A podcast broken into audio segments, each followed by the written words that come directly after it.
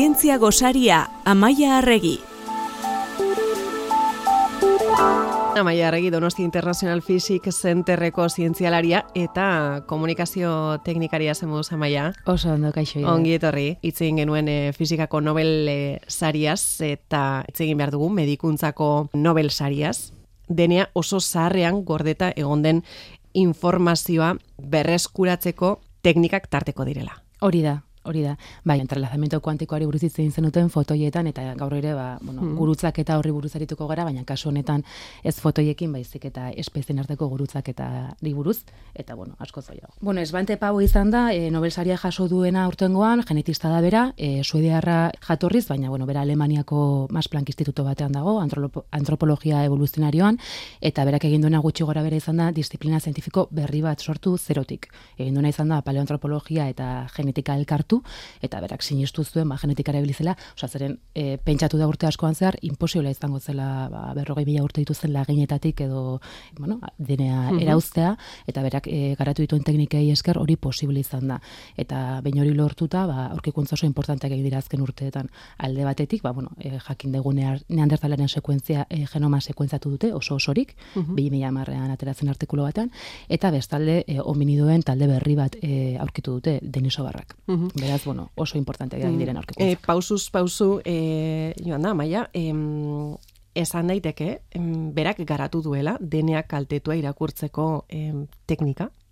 Bai, claro, pentsatu ezakegu, e, ba, bueno, dene hau, hainbeste milaka urtego du pasa ondoren, e, ba, berrogei meia urte dituzten laginei buruzari gara, e, ba, bueno, kaltetzen direla, e, e, kontaminatzen direla beste material genetika batzuekin, eta, eta bueno, ba, teknika oso bereze behar dira, e, bueno, oso zaiak, ez zirenak existitzen lehenago, ba, ba, sekuentzatu alizateko e, dene hauek, et, eta ikusi dute, ba, neandertalenena osorik erauzteko gaitzirela, eta, eta horri esker jakin izan dugu, ba, ba, gure den, homo sapiensaren denean berdan ere neandertalaren zati badagoela mm eta garai batean bereekin gurutzatu ginela.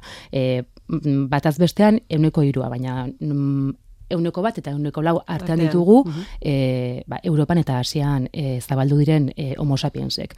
Afrikan garbiltu zirenak berriz, ba, ez dira, ez dira gurutzatu neandertalarekin, zen neandertala espezie europearra da gutxi gora bera. Eta lehen ere aurreatu diguzu, e, hominido talde berri bat izan zela ere, azalerazi dutela bere teknikari esker. Bai, e, Siberiako egualdeko kobazulo batean aurkizu zuten ezur batetik erauzi zuten adenea, eta ikusi izan zuten ez dela ez neandertalarena, eta ez homo sapiensarena, eta orduan kontratu zen ba hominio talde berri bat zela. Bere anatomia oraindik ez dute ondo zehaztu izan, baina e, badakigu deneagatikan beste espezie bat dela e, eta kobazularen izanagatik e, ba Denisovano ere deitu zaie. Mhm. E, eta bueno, badakigu Asian eta Australian ere e, e, bueno, Australiako populazioan e, e, badaukatela dene honen zati bat.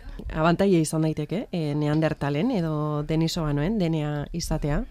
Ba, neurri batean bai, e, baina ez dauka zertan. Gauza da oso kantitate txikietan eduki dezakegula gure adenean, baina alere eragina izan dek adibidez ikusi zeko zenuten agian aurreko urtean aterazen albistetako bat eta da neandertalei zordi egun e, bueno, jene batzuei esker e, posible degula e, COVID e, kasu e, oso grabetatik edo ba bestea. Eta adibidez Deniso banuen kasuan ere, e, ba Tibeteko mesetetan bizi diren biztanleek altura handietara e, mm-hmm. egokitutako geneak dauzkate. Bueno, bi adibide hauek ba, onuragarriak izango dira, baina ez dauka zertan zeren uste eta neandertalaren kasuan, bueno, bare, gene batzu badaudela e, eskizofreniarekin lotua daudena. Orduan, edo zein kasutan, bai, eragina daukate, ez dira, hola, e, espresatzen ez diren jeneak, baizik eta, bai, e, oso kantitate txikitan edukiarren, eta arkaikoak izan arren jene hauek, badut eragina mm. gure osasunan eta baita adaptazioan ere. Mm -hmm. Ba, hain zuzen ere, em, amaia, DNA, oinarrietako em, bat duen em, instalazioaz ere e, galdetu nahiko genizuke gaurkoan, e, zu zaudela aprobetsatuta, Donosti International Physics Centerrek eta eta tabakalera aurkeztuta ikusgai delako, Klaus e, Polen, datuak material bizia e, instalazioa, eta, eta inzuzen, e, izaki bizidunetan datu digitalak biltegiratzeko aukera aztertzen duen e, instalazioa da, ez? Bai, bai, egia da. E, berez, espekulazio bezala galdetzen duen, iten duen galdeterako bat da, ba, e, ea posible izango litzaketeke, ba, gure argazki bat, edo gure familiaren argazki bat, zuez batean e, biltegiratza, eta gero, ba, gure jardinean baldin badaukagu, belaunaldiz belaunaldi e, zaindu eta berreskuratzea. E, borla, ematen du i, fantasia edo imagina, imaginazioa, baina ez da espekulazio eta posible den zeo zer da, bai, eta gainera badaude ikerrariak e, lan egite dutenak gai hauetan.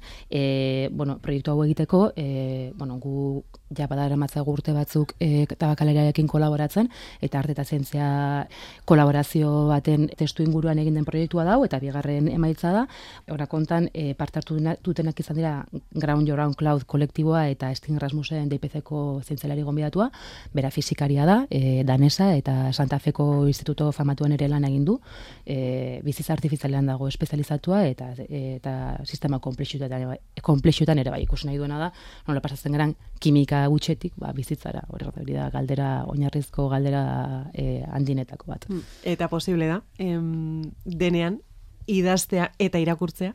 Bai, e, bueno, ba, bakigu sistema biologikoek milaik uh, urte dara matzatela denean informazio desberdina biltegiratzen, eta sistema hauek e, datu digitala gordetzeko erabiltzeko helburekin e, proposamen zendoak egin dira literatura zientifikoan. Bakigu edo zein testu iru edo musika kodifikatu daitekela zeroak eta batekoak erabiliz, informazio digital moduan, ba, gauza berbera egin dezakegu denean ere, guk badakigu ba, hor, base nitrogenatu batzu daudela, edo nukleotidoak, lau mota daude, CGA eta T e, letrekin adierazten direnak, eta eta letra hauek erabilizera kodifikatu dezakegu edo zein mezu e, gure e, denean. E, kontan eduki behar dugu, ba, simplifikatu zabor genetikoa deitzen zaion e, denearen zati handi batean, e, ez da, oza, e, dagoen informazioa ez dela proteinak sortuz espresatzen, ez, ez daukala funtzionalidade zuzenik, ordan bertan sartu dezakegu informazio pila bat, eta horrek ez luke printzipioz e, inongo eraginek edukeko dena horren evoluzioan.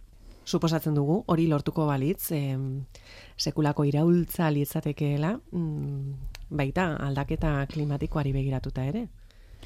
Bueno, nik uste dut e, artelan honek egiten duena dela, bueno, kritika bat e, erakusteko nola gaur egun e, izugarrizko e, kutsadura sortzen ari geran gure informazio digitalarekin ez, gupetatzen dugu, ba hori, lainoetan daudela, laino horiek e, gainera ba, oso irudi ezakit e, naturala bezala ikusten dugu, baina horiek serbidoretan daude, eta serbidore horiek izugarri kutsatzen dute, energia pila bat kontsumitzen dute, eta ez dakit zein diren berez datuak, baina egun guztia, nik adibez, egun guztia, emaila bidaltzen pasatzen dut, eta email bakoitzak, ba, kontsumo energetiko importante badauka, eta bueno, ba, nire, nire ustez gogoeta eta horren inguruan garrantzitsua da. Nik ez dakit posible izango den e, e, gure, oza, iruditzen zait poetikoagoa dela irudi hori, ba, gure jardinean, zuetz batean, gure mhm. argazkiak sartzarena, baina aiez polenak e, densi, je, oza, e, genetan, genen barruan informazio sartuko banu, bagenu, ba, densidan de handi batean informazio horretzeko aukera aukiko genuke.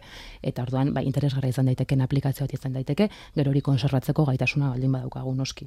E, baina, e, badirudi, ba, bueno, e, literatura zientifikoan, bueno, gauza hauetan edo DNA, ADN sintetikoarekin lanean ari den jendeak dioenez, ba, bueno, arazo izango litzateke, e, karo, gaur egun oso mantxo egiten den prozesua dela, e, DNA hauetan e, irakurtzea eta idaztea. Osea, e, idazteko, osea, letra bat sartzeko e, e, denean, behar dugu segundu bat. Orduan, uh -huh. ba, testu asko idazteko, ba, urta beharko lirateke, eta ez da bat ere efizientea. Uh -huh. Orduan, bueno, ba, badirudi, e, eta gero gainera, ba, sortzen dituen, e, sortzen dira genoman, eta orduan pues hori izango hori izango dela konpondu beharreko arazoetako bat etorkizunean e, aplikazioak e, sortu nahi baldin badera bide horretatik. Tira, ba, interesgarria e, eta entzulei esango diegu, ez? E, gogoetarekin e, ba, jarraitzeko gogoz baldin badaude, mm, badaukatela aukera, e, Clouds of polen, e, polen lainoak instalazio hori e, ezagutzera gerturatzeko ba, aukera hori e, badaukatela. E, gogoratuko diguzu, amaia, e, tabakaleran? Tabakalerako bigarren soilaruan egongo da instalazio artistiko hau, eta bueno, ba, irekia dago mundu guzteri, así que ba, gerturatu eta seguro ba, gogoita eta bueno, goza berriak pilatzeko aukera izango ez. Ba, esan da, amaia regi eskerrik asko. Mila esker.